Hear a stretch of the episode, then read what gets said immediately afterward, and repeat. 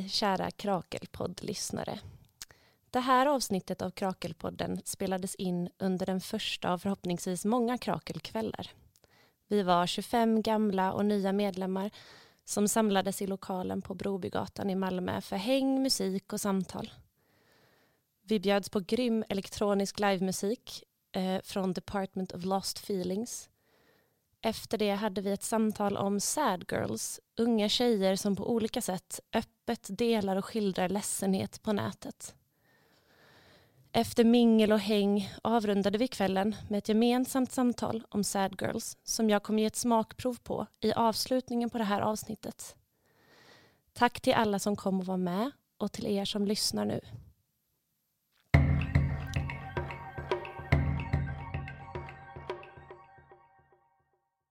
Rika, vill du presentera dig själv kanske? För att vi ska ju prata om din avhandling idag. Precis, ja ehm, det kan jag göra. Fredrika heter jag. Jag kommer från Lund från början, uppvuxen där och bott i Malmö förra tiden. Men sen så hamnade jag i USA och var där i 11 år och doktorerade i medie och kommunikationsvetenskap från ett universitet som heter Rutgers University. Blev färdig för ett år sedan och nu forskar jag och undervisar på Lunds universitet i medie och kommunikationsvetenskap. Jag heter Annika, jag är medlem i Krakel och deltagare i studiecirkeln eh, Psyket i kapitalismen som nu är avslutad. Eh, där Fredrika och Mona också har varit med. Ja, jag heter Mona och är också med i den här studiecirkeln som varit så underbar. Eh, det, känns, det är så många när jag berättar som säger kan du inte skicka texterna? Så jag vet inte om, eh, då säger jag ja. ja. Jag blev tvekade för det kändes som att det kanske var olagligt men det är det ju inte. Eh, vad roligt att vara här. Jättekul. Ja, verkligen. Mm. Ska vi börja direkt och prata om, eh, kan du berätta om din avhandling Fredrika? Ja, det kan jag göra. Um, alltså på ett sätt kan jag säga att det började lite med skunk, som kanske några här i rummet känner till. Uh, för att jag som tonåring hängde väldigt mycket på skunk.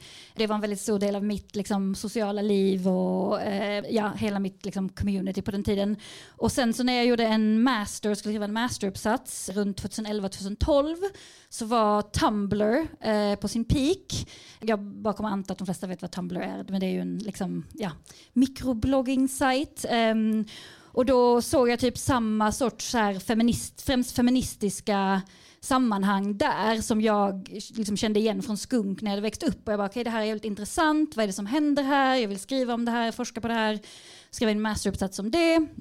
Och sen så liksom var jag ändå i de digitala sammanhang, eller kvar i de digitala rummen där och lite något, några år senare, ja men 2013, 2014 så hade jag börjat mitt doktorandprogram och då så såg jag att folk började posta mycket så här om ledsenhet och det var också då Lana Del Rey debuterade och ehm, jag kände mig så här väldigt dragen till det och de sammanhangen och kände att det är något viktigt som händer här liksom och vad, men vad är det? Och liksom började ja, samla massa eh, skärmdumpar och började liksom bara grotta in mig i det jättemycket och hade väldigt tur som hade en handledare som uppmärksammade det väldigt mycket och kommer från en sån tradition av medieforskning som vill se liksom de subkulturella sammanhangen och uppvärdera dem.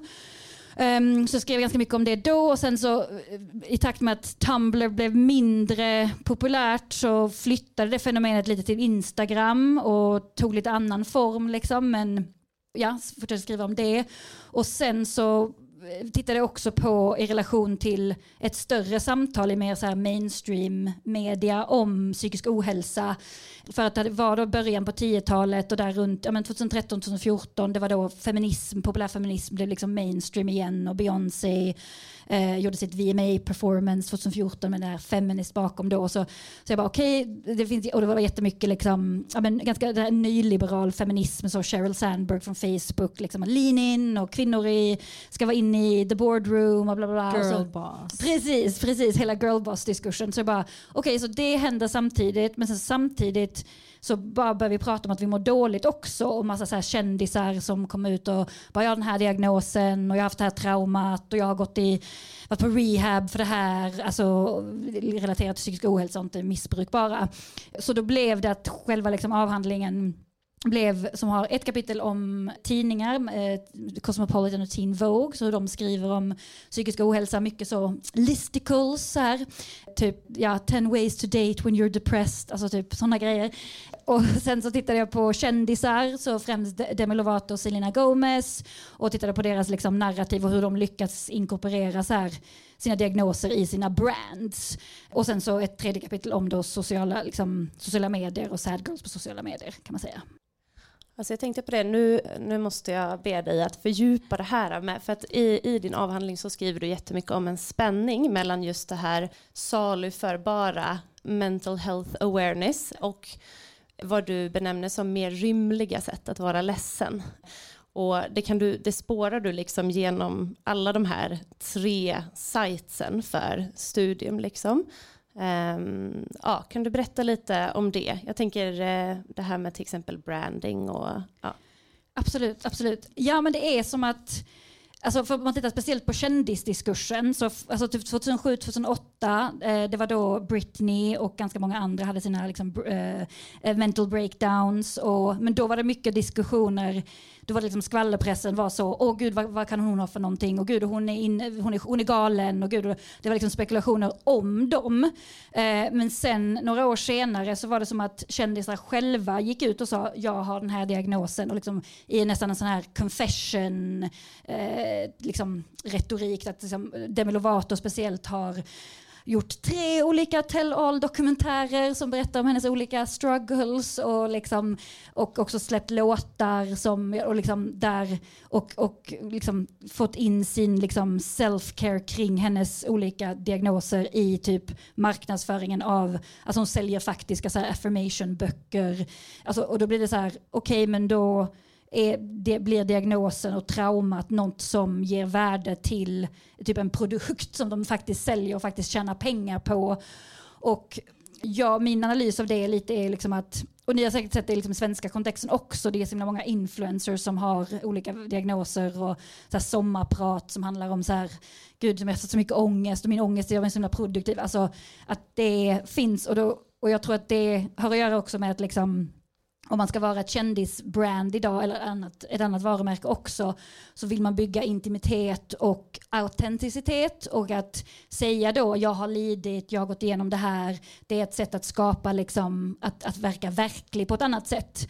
Men den diskursen är ofta väldigt, alltså ganska snäv och ganska så som vi har pratat om också innan att så här att, att man kommer mest dit, alltså det man ser av det är mest efteråt när man redan gått igenom det jobbiga och kanske att det också det är kopplat till att sälja smink och typ att så här, som Selena Gomez, hennes sminkmärke Rare har hon marknadsfört väldigt mycket som self-care, mental health awareness och eh, då blir det lite så okej, okay, så nu ska dina följare som sitter hemma och mår dåligt, då ska de köpa ditt smink och då kommer de inte må dåligt längre. Eller, ja och att det är annorlunda än vad jag, jag argumenterar och tycker att det, är annorlunda än den liksom ledsenhet man får uttrycka på sociala medier och man får vara lite mer eh, kaotisk och lite mer så, inte, inte lika kopplad till att sälja ett varumärke. Mm. Ja, för jag tänker du lyfter också den här kopplingen mellan liksom eh, wellness och self-care kulturen eh, och eh, liksom en eh, intensifierad utsugning. Alltså att det är ett sätt att också hålla liksom arbetskraften i eh, optimerat mentalt skick, eller vad man ska säga. ehm, och, alltså, och att, det, ja, att det blir en spänning då som eh, de här sad girls rör sig i. Ehm, också så liksom pratar du ju mycket om hur de förhåller sig till en liksom, medicinsk diskurs om psykisk ohälsa. Och du menar också på att det finns liksom ett skifte i hur kvinnlig galenskap patologiseras. Det tyckte jag var spännande. Kan du inte berätta lite om det? Eh, ja, absolut. absolut. Det finns många, ja, det som jag också gjort annan så här för research om så här, history of the mad woman och liksom det finns går ju tillbaka till typ Ofelia och, liksom, och hysterikerna i liksom, fransk psykoanalys och liksom allt sånt där. Att förut har det kanske mer historiskt sett varit så här vi patologiserar kvinnor med galna och avskriver dem som icke-rationella. Men att nu är det mer att, de liksom, att man patologiseras inom ett så här biomedicinsk, en biomedicinsk diskurs som ger en diagnos som kan bli läkt eller som kan bli behandlad. Och sen kan man ju dra den... Så menar du att eh, de säger typ, du har lågt serotonin? Ja.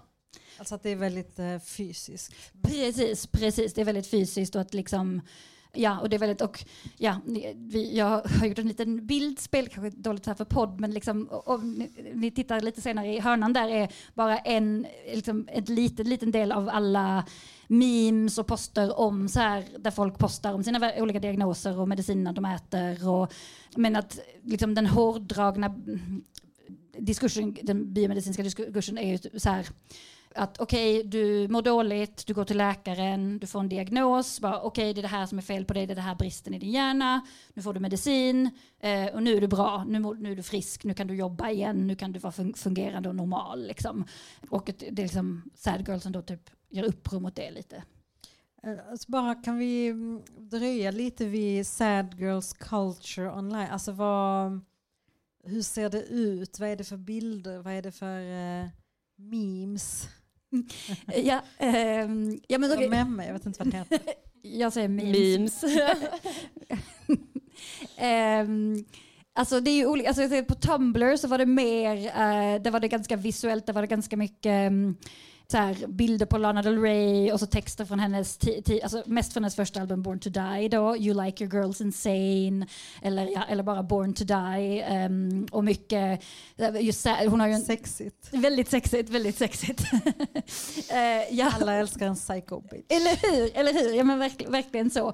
Och typ så här, kanske bilder på sig och typ så här, och ibland så att det går till också bilder på liksom självskadebeteende men inte så mycket i de alltså det är mer det här estetiska. Också lite att det var någon hashtag typ så grunge också, alltså så liksom ja, upplivande i liksom eh, ja, den bara så här, den estetiken. Och sen så på eh, Instagram är det mer memes liksom. Och jag tror det delvis är för att de sidorna fungerar på två olika sätt och har liksom olika uppbyggnader. Så att Instagram är mer liksom har mer tekniska funktioner så att det är ett visst antal användare som får många följare. Och där är det mer så och nu har jag haft eh, svettats hela natten för att för min antipsykotiska medicin får mig att bete sig så här. Men eh, det är ingen som bryr sig om det för läkemedelsföretagen tycker bara att eh, jag ska...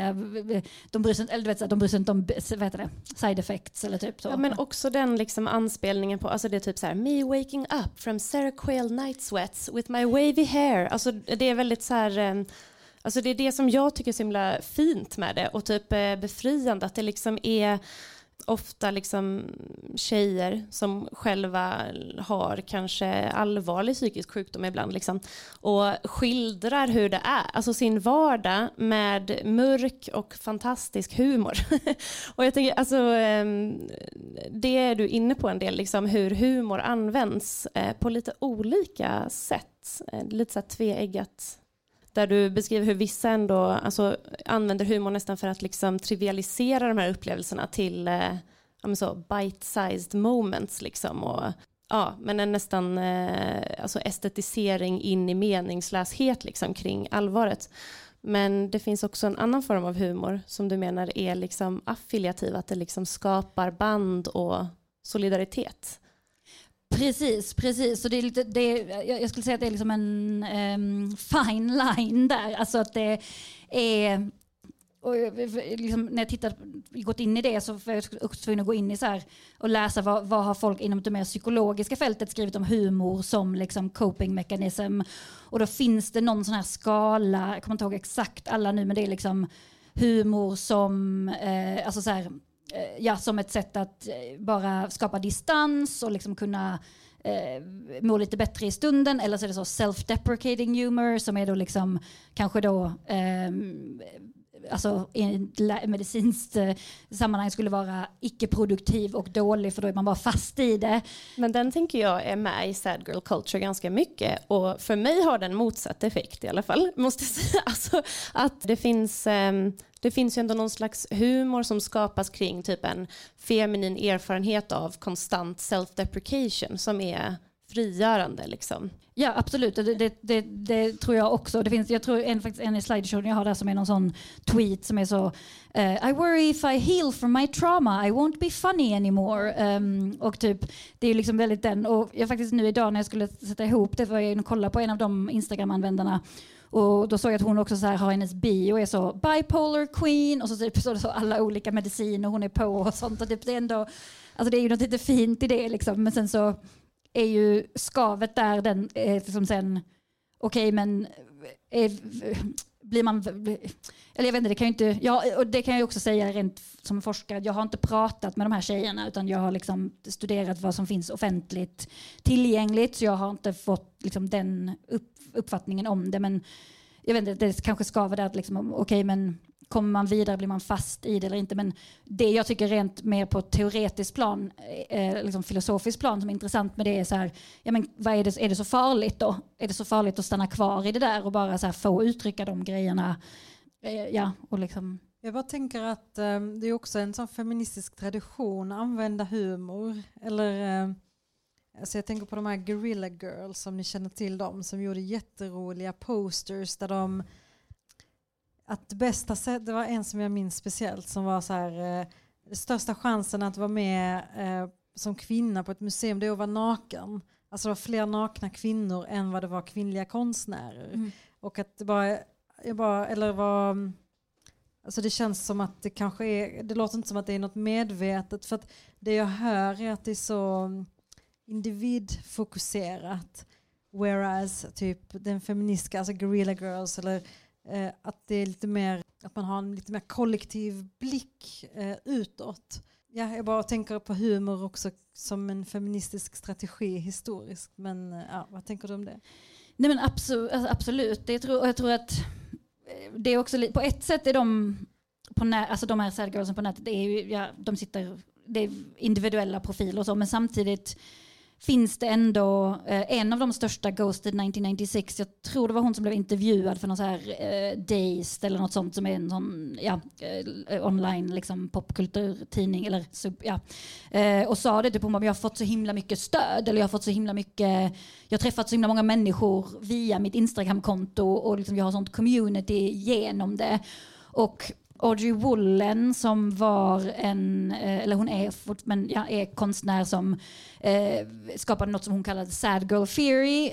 Um, och hon, vid något, nu är hon tillbaka på Instagram, men när hon var där ganska aktiv ett tag och fick jättemycket uppmärksamhet och sen så hade hon ett sånt, nu, nu slutar jag Instagram, men då var en av hennes grejer bara så här, tack så mycket för alla kontakter jag har knutit här. Men nu mår jag bra.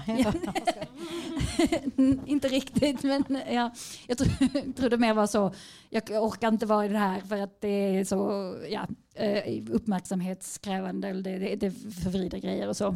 Ja, nej men jag bara tänkte på, för att jag tänker hur, eh, att vi kanske ska precisera det här med hur alltså sad girls på Tumblr och Instagram skiljer sig från det här bredare eh, bekännelsenarrativet som ändå finns. Som kan vara väldigt, eh, som jag håller med om, är väldigt snävt. Liksom. Och det, det är ju kändisar men det är också eh, ja, det är väl, att kändisar gör det är väl en konsekvens av det här att det finns liksom mikrokändisar och liksom en ökad eh, faktisk intimitet mellan någon som typ sänder och någon som tar emot typ kultur kanske nu eller så. Ja. Men det finns på alla plan på något sätt i samhället. Det finns den här, vi måste prata om psykisk ohälsa och så sker det på vissa väldigt bestämda sätt.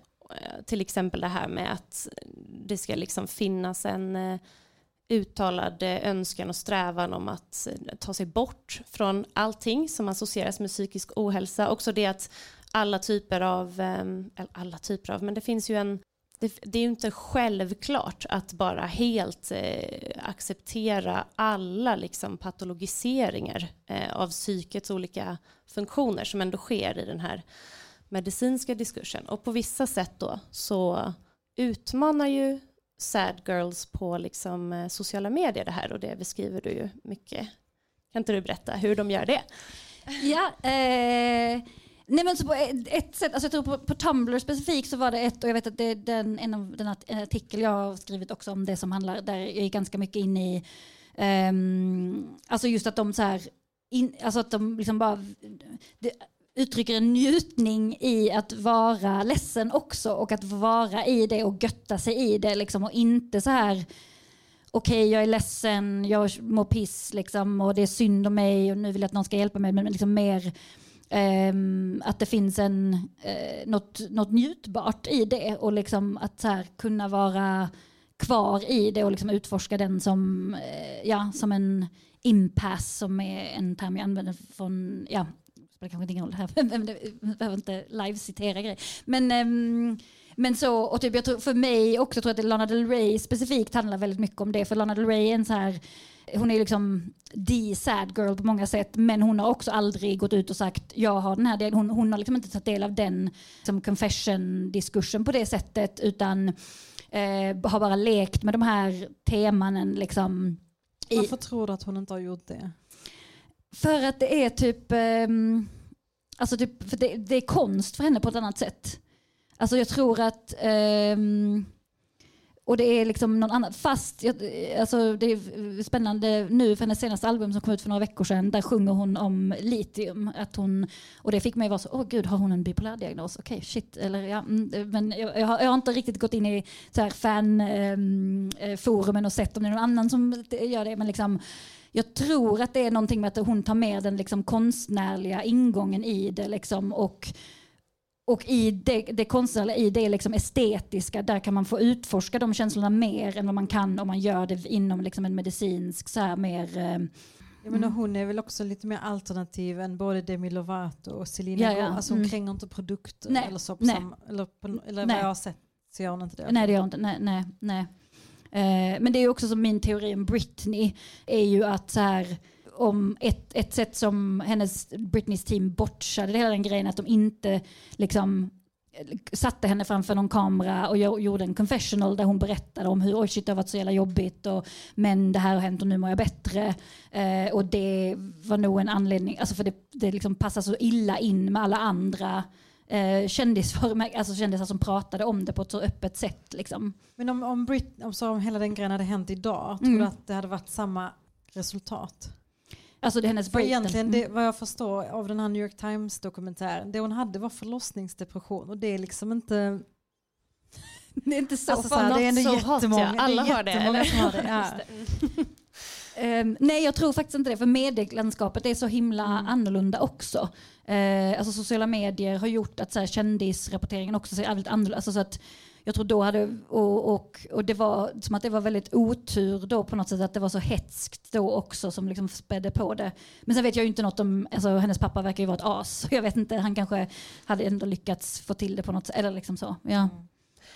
Jag tänker på um, det här med, um, du skriver om den radikala potentialen i att se ledsenhet som någonting alldagligt.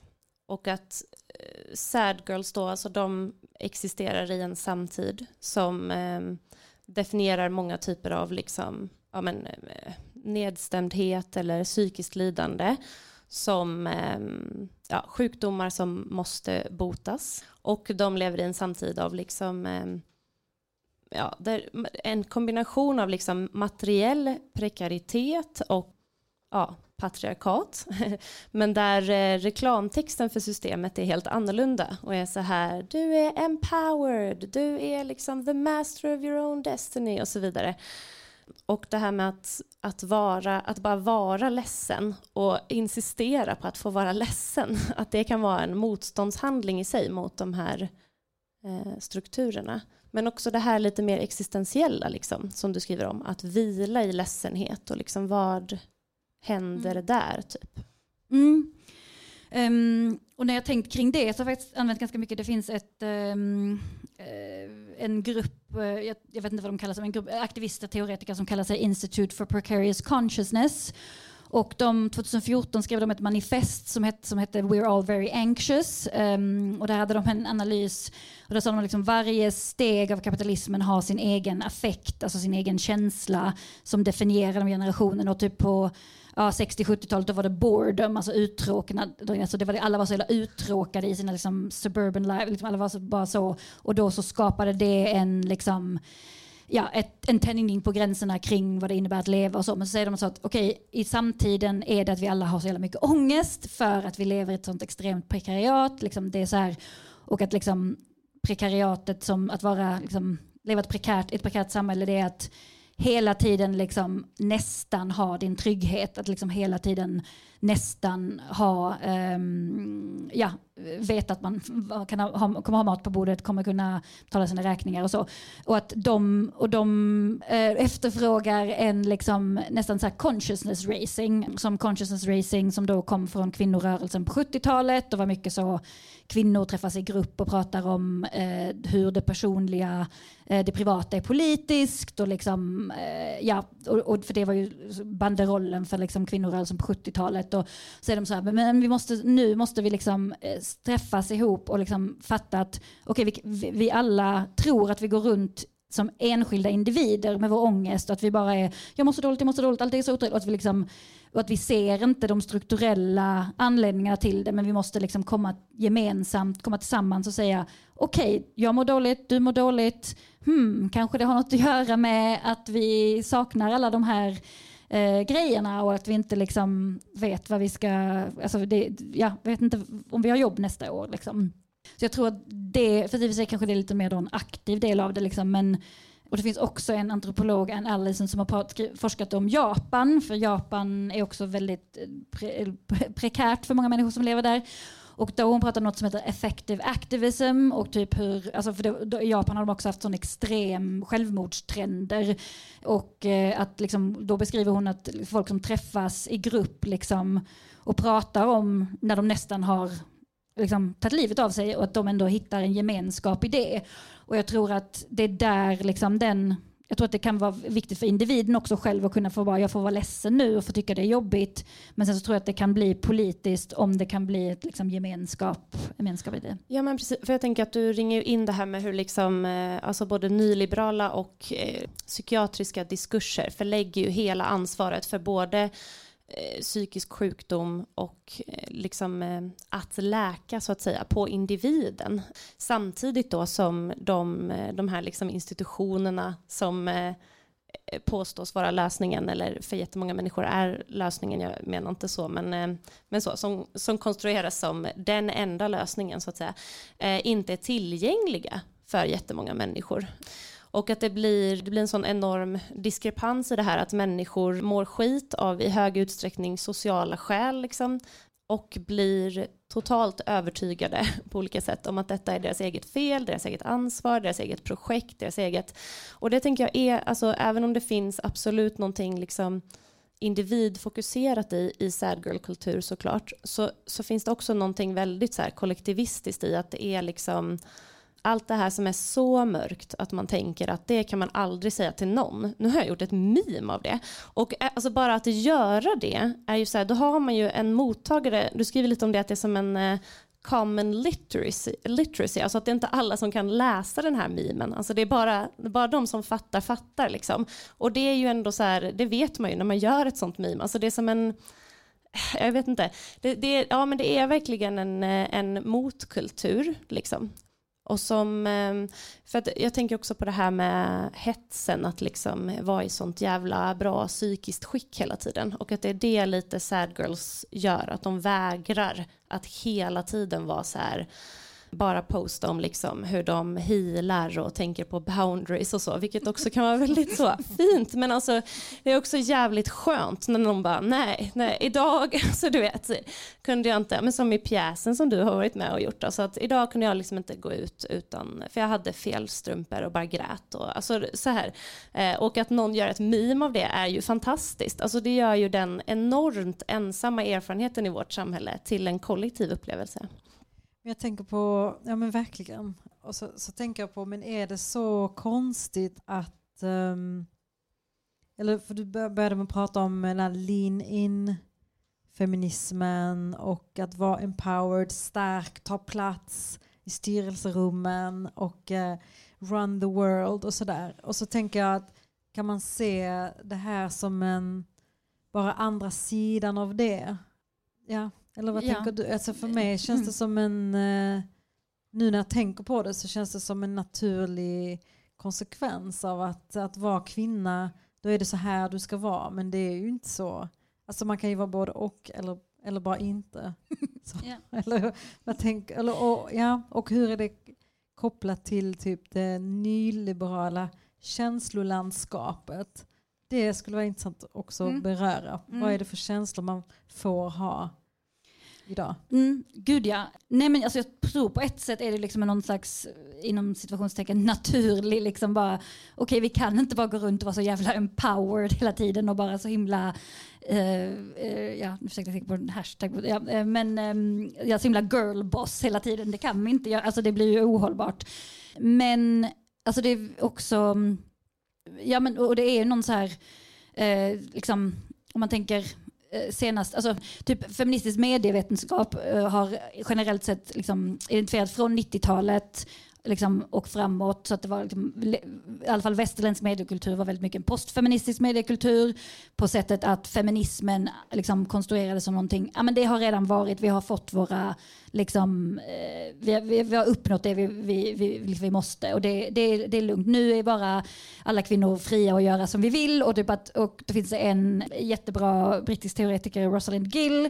som har skrivit om så här postfeminist sensibility och liksom eh, identifierat olika teman som dyker upp i den. Så här. Och ett är så makeover, ett är mycket fokus på kroppen, också mycket fokus på sex och val och så här att ja men ehm, nu är, är kvinnor, kvinnosubjektet är liksom, hon, hon älskar sex nu och det bara är så att hon råkar eh, eh, liksom, presentera sig sexuellt på samma sätt som män objekt, objektifierade henne i åratal innan liksom, feminismen kom. Men nu gör hon det själv så då är det helt okej. Eller då är det liksom empowering och feministiskt och mm, nej, inte. För det, Jag, men, tänker, alltså jag tänker på, har du sett den eh, Crazy Ex-Girlfriend-sketchen som är Put yourself first in a sexy way? Ja. som är, ja, ja, den tänker så- jag på nu. Ja. Kolla på den alla Ja. om ni vill veta vad det är för fenomen. Mm. Eh, men så, så bra. Ja. Och sen så är faktiskt den här Rosalind Gill som hon har eh, under senare år också börjat skriva om så här, okej, sen så, runt 2010 kanske så blir det ett fokus också på psyket. Att så här, du ska inte bara börja jobba på din kropp, du ska inte bara göra dig själv snygg, men du också, också måste göra dig och, liksom, eh, själv, eh, starkt självförtroende och confidence är så här, confidence cult liksom. Och det har varit mycket och det finns ganska intressant forskning också, inte bara inom liksom, liksom populärmedia men också inom så här, eh, ideellt arbete och sånt finns det en så här jättestark diskurs kring att vi måste empower women och unga tjejer i tredje världen, de måste bara bli confident och då kommer allting bli jättebra. Och liksom så här, okej nu ska jag jobba på ett psyke. Och sen så, men senare då, eh, åren också har det liksom blivit mer, ja okej men det, det är lite mer negativa saker som kommer fram också. Och en annan ganska intressant så här för att illustrera det skiftet tycker jag också om man tittar på Sex and the City eh, som var slut på 90-talet, början på 2000-talet och där i Sex and the City är det väldigt så de är självständiga, de har liksom inga pengaproblem, de har eh, mesta sexet de har är ganska, det är bra, det verkar, det verkar gött, liksom, det är inte så jobbigt. Eh, och sen så kommer Girls, Lena Dunhams Girls 2012 och där är det så att de bara är helt misslyckade och de typ så lever på sina föräldrar och det är bara jobbigt, obekvämt sex och det är liksom så här, ja men jätte, och det har också analyserats som en sån post 2008, typ så här nu är det oss liksom jobbigare att leva och det liksom, ja. Så det, det är ju liksom, ja, förlåt nu. Nej, nej, nej, nej, fortsätt. Jag bara tänker att men Sex and the City var så här pre 9-11 som verkligen förändrade världen.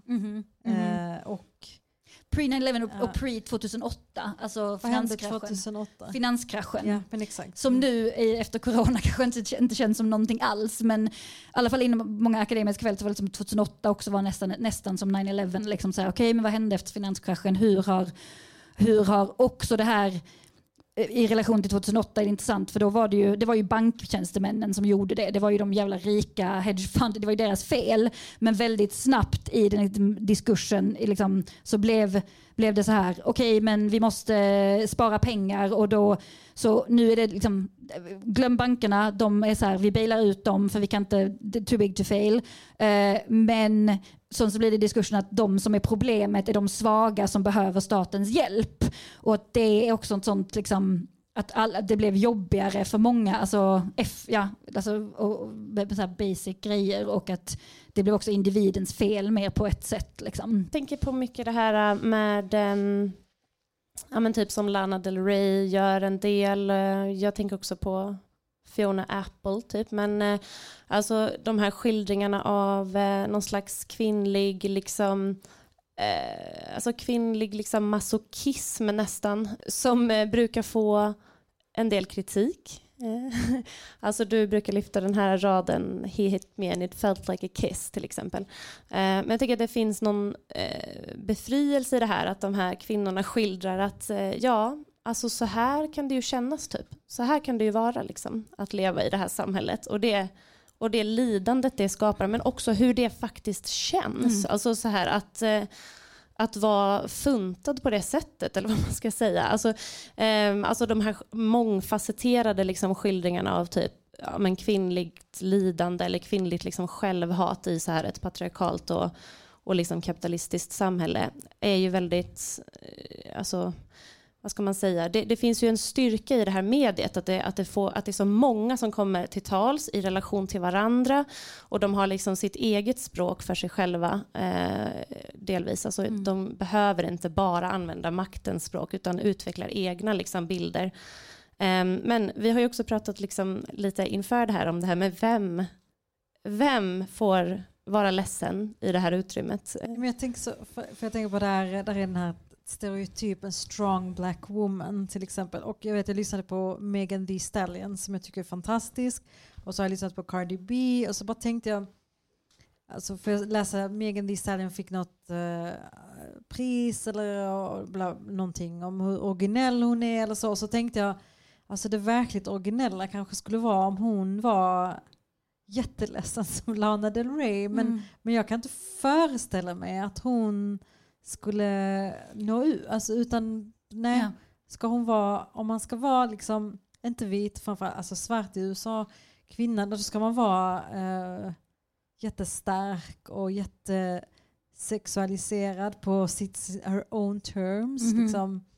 Mm, ja men det är som att det är lite efter, eller efter, okej okay, nu, nu inte konstruera en, en falsk så här, progressiv allting. Men, nej, men jag, alltså, vet, och Megan Thee Stallion också, jag lyssnade på den P3 Musikdokumentär, jag tror det var med henne, alltså, hon har haft jättemycket loss alltså, i sitt liv, hennes Hon mamma. är precis skjuten. Ja just det, hon blev, skjut, just hon blev skjuten förra året. Sen så typ, eh, hennes mamma dött också. Alltså, vet, så här, skitmycket. Men alltså, Cardi B är ju också så att hon har liksom ett livsöde som är så här så jävla grovt präglat av liksom social orättvisa och alltså fruktansvärda liksom erfarenheter. Som man, mm.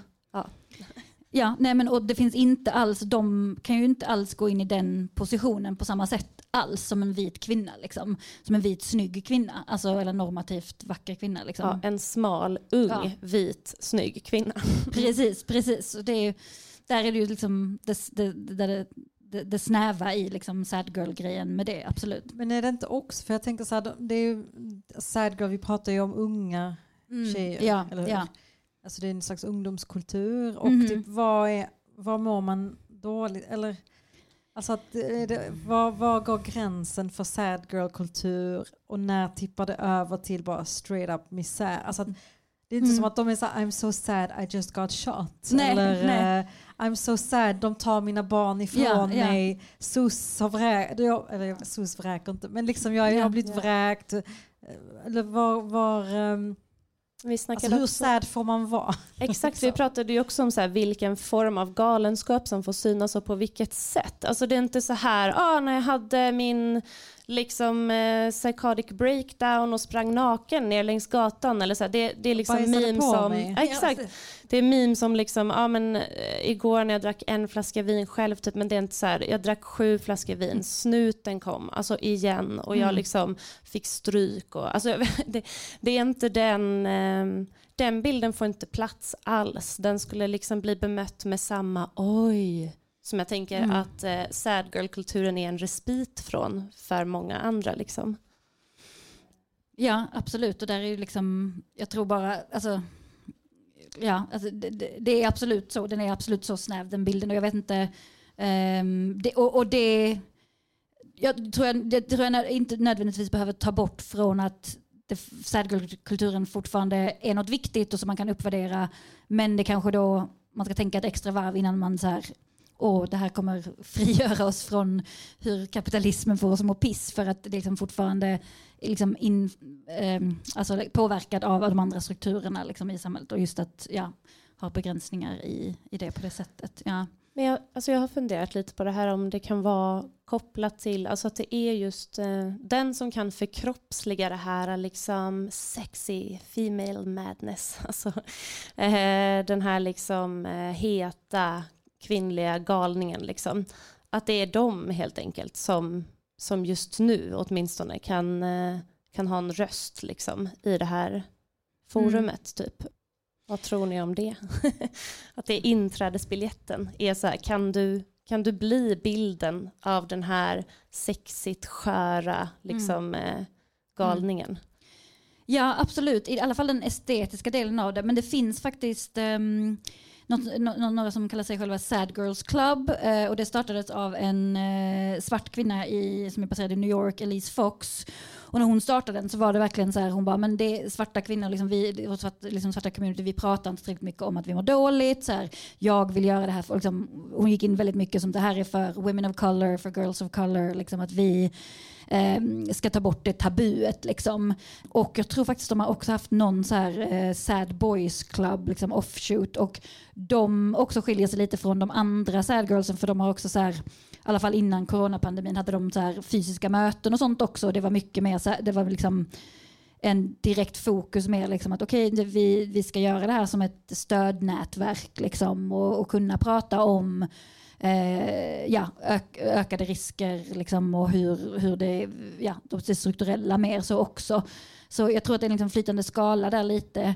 Och liksom nu skulle jag säga från skillnaden från när jag började titta på det här, alltså det finns så himla mycket mental health, liksom, eller psykisk hälsa-content på, på nätet, alltså både på Instagram och på TikTok och alltså så himla många olika diskurser. Jag tror att väldigt många människor kan, alltså jag tror kanske att det har blivit lite större, alltså, eller vad ska man säga, större i begreppet eller liksom, ja.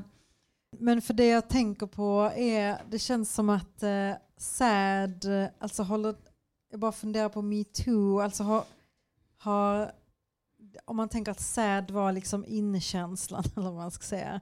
Alltså har, jag bara undrar om det är lika, alltså om det nu går mer och mer rör sig mot rage. Mm, alltså att där, ja. där är liksom en kvinnlig ilska som jag tänker är typ den mest förbjudna kvinnliga känslan egentligen. För att den ber oss att faktiskt agera medan att vara ledsen om man nu ska vara kritisk det är en, en ganska eh, passiv. bekväm, mm, passiv ja. om man ser från maktens perspektiv mm, eller så. Mm. Det är ganska, alltså om jag hade makt och ville kontrollera folk så skulle jag hellre vilja att de var ledsna än att de var mm. arga. Mm. Jag tänkte också på det för att en hel del av det, den, den ledsenheten som skildras i sad girl-kultur tycker jag att man mycket kan förstå som en ilska som vänds in mot en själv. Alltså det är liksom en, eh, och det är ju liksom en del, tänker jag, av att leva i patriarkatet som kvinna, att, att det, finns många, det finns många incitament att göra det, så att säga. Ja, eh, ja och det är väl en sån klassisk, eh, liksom att unga tjejer som mår piss skadar sig själva, unga killar som mår piss skadar andra. Eller liksom, det är väl en okay, grov generalisering där, men liksom att ändå lite så att man är insocialiserad i så här väldigt liksom, eller att kvinnor är insocialiserade på ett annat sätt i att liksom inte ta, inte agera utåt utan agera inåt. Men ja, och det finns lite, jag kan inte så eh, mycket om just rage, men det finns lite jag vet, akademisk forskning också om just det här rage, alltså female rage, alltså att, att det kommer nu liksom. Och i relation till metoo också.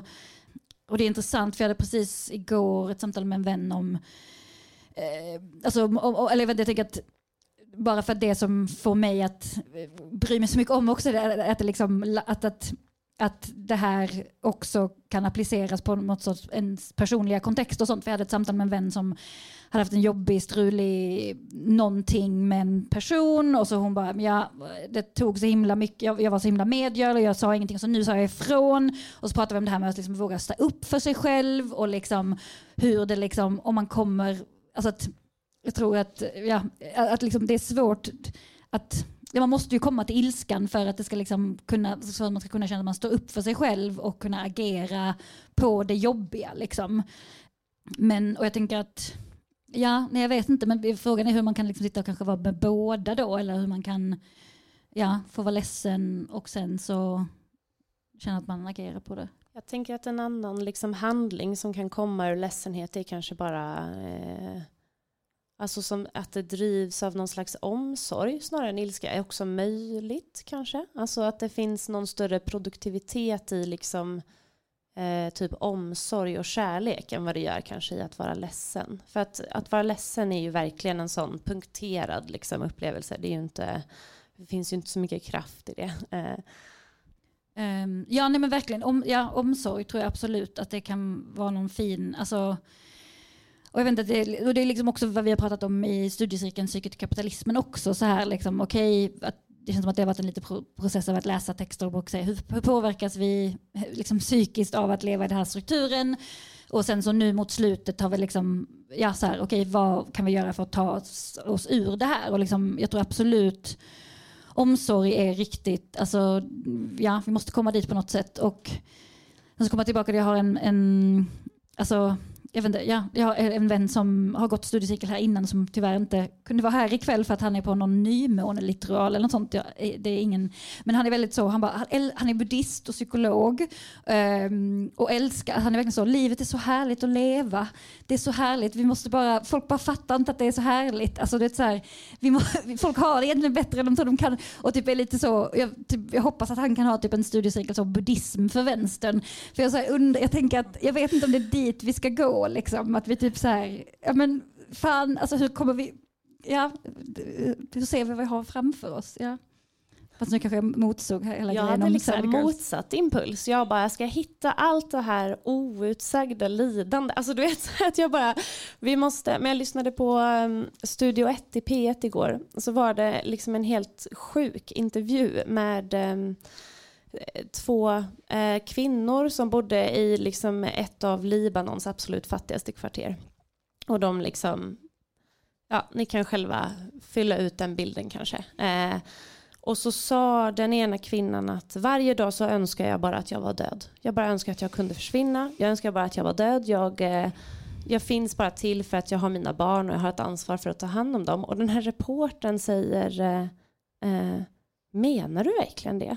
eller, eller är det bara ett sätt att uttrycka sig? Alltså, jag bara, han står liksom i den här eh, lägenheten där liksom de inte ens har mat och plats för sina barn att sova och, och, och är liksom så här helt chockad typ att hon skulle kunna vara så liksom desperat att hon önskar alltså, att allt det här lidandet bara tog slut. Typ.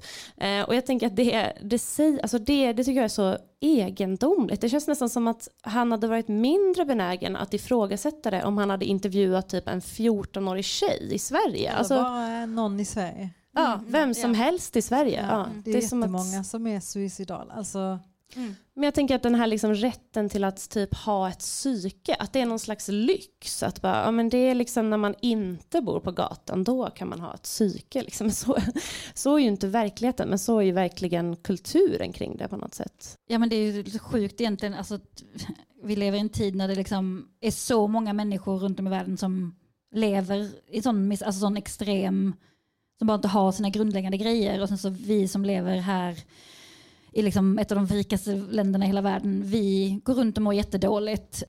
Och jag vill verkligen inte så här, eller det kanske är hela att jag är intresserad av det, men jag vill liksom inte säga så att oh, vi har det så bra, vi borde inte, för jag tycker den, det, det finns ju vissa som har, har den ingången, det kom någon bok för något år sedan också, varför har vi det så bra, liksom, varför mår vi så dåligt när vi har det så bra, allt är så himla bra.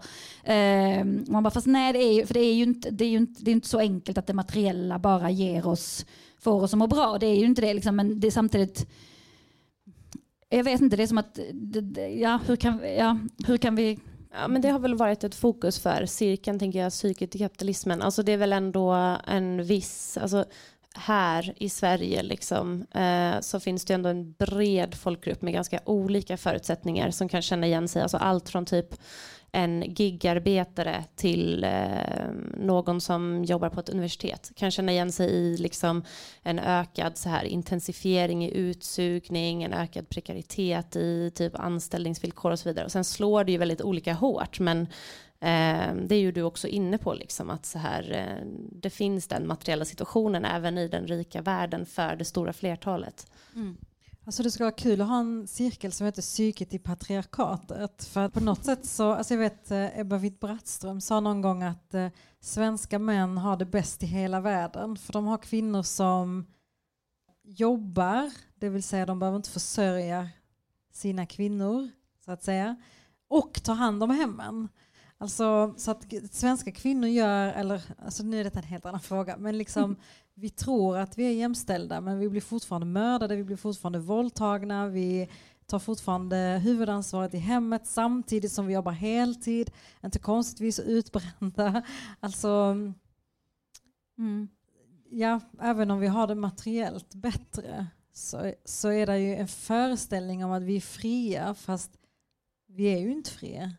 Mm vi är friare. Men, men vi kan, eller jag, jag, jag, känner inte att vi är fria för det. Nej. Nej, och det är ju, alltså, det finns en del så här jag tror det är Wendy Brown som har skrivit också om typ så här, den, den nyliberala, alltså friheten inom situationstecken som man har. Det också den nyliberala friheten är också liksom ett, alltså så här, ett ansvar då att leva sitt bästa liv på ett sätt där liksom och då kommer man in också typ på Foucault, biopower och sånt och liksom vad det innebär att Ja, men vad innebär att vara en fri, fri medborgare i ett nyliberalt senkapitalistiskt samhälle? Och det är ganska mycket då att det är upp till en själv. Man bara har alla de här möjligheterna att självförverkliga sig så himla mycket och göra, eller man tror det. Eh, eller man, är, man är, blir tillsagd det. Men, och det är ju någonting skevt där tror jag att liksom man bara och det är det vi har rört oss lite om i, cirkeln också. Bara så här, men, jaha, men varför mår vi inte bara? Men, men liksom, det finns det blir en utarmning, det finns liksom väldigt få platser utanför jobbet, skolan, ut, utanför konsumtionen att ens träffa andra. Och jag tror att, jag vet inte om det är liksom en, vi är i någon slags så här övergångsperiod, alltså informationssamhället, alltså liksom att vi vet inte hur vi ska Eh, ja, eller ja, ja nu tappar jag bort mig lite, men alltså det är så att vi inte, jag tror det är grundläggande människobehov som vi inte får tillgodosätta, men vi vet inte ens om att vi inte fått dem tillgodosedda och därför blir det så himla konstigt för det är så här, vi borde må skitbra, men, men det enda vi kan göra med vår frihet är att konsumera. Alltså, och sen så är det ändå någon, de med mest pengar som åker fucking till rymden och eh, ja, Ja, alltså det finns ju mycket att må skit över. Det, det kan vi väl vara överens om, tänker jag. Alltså det är ju ändå, vi står inför typ så här apokalypsen. Eh, bara det är ju ganska deppigt. Liksom. Eh, men ja, det här blev ju ett upplyftande avslut. Nej men, eh, jag kväll. nej, men. eh, nej men den här, ehm, vad ska man säga, vi, vi hade ju tänkt ha en, en fråga till publiken. Tycker ni att det är dags för den? Eller ska vi, ja. Och då tänker vi så här att ni som lyssnar på podden eh, säger vi hej då till nu. Och, mm. ja, ja, kanske hoppas det här eh, Följ Krakel Krakel på ja. Instagram så mm -hmm. kan vi diskutera vidare i kommentarerna. Precis, precis. Ja. Superbra. Mm, och tack så mycket. Kanske vi klipper ihop eh, med en liten summering av vad vi säger här ikväll om frågan vad kan rörelsen lära sig av Sad Girls? Hej igen, kära poddlyssnare. Jag har under veckan som gått sedan Krakelkvällen försökt att sammanfatta den gemensamma diskussion vi hade som avslut för kvällen. Det har varit svårt Främst av den anledningen att det samtalet väckte så många tankar hos mig som bara fortsätter att spinna och breda ut sig även i talande stund. Vi pratade om vad det betyder att så många kvinnor genom tiderna i sjukdomen har funnit ett uttryck för vägran och missnöje.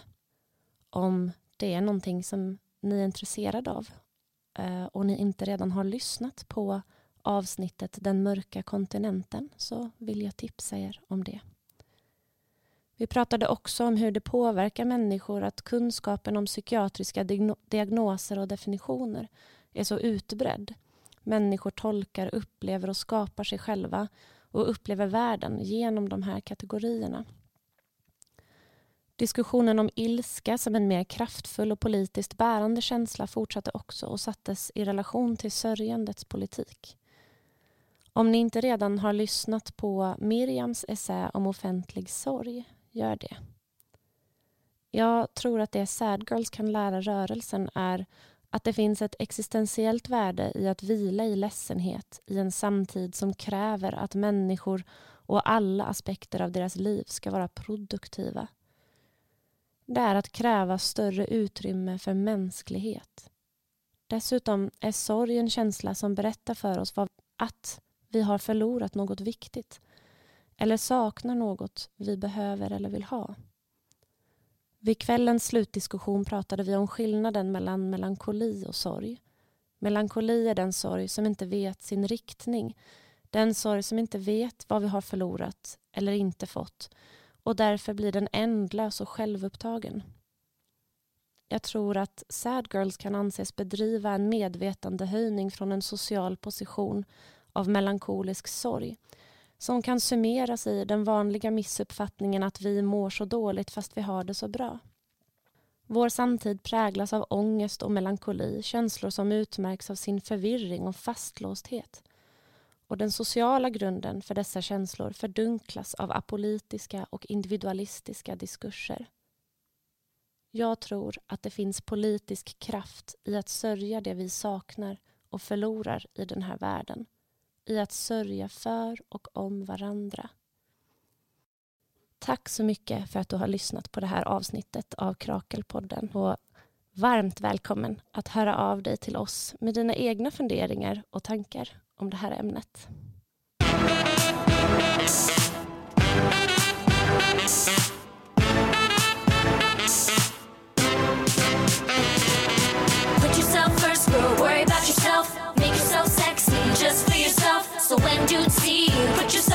They'll be like, damn, you're hot.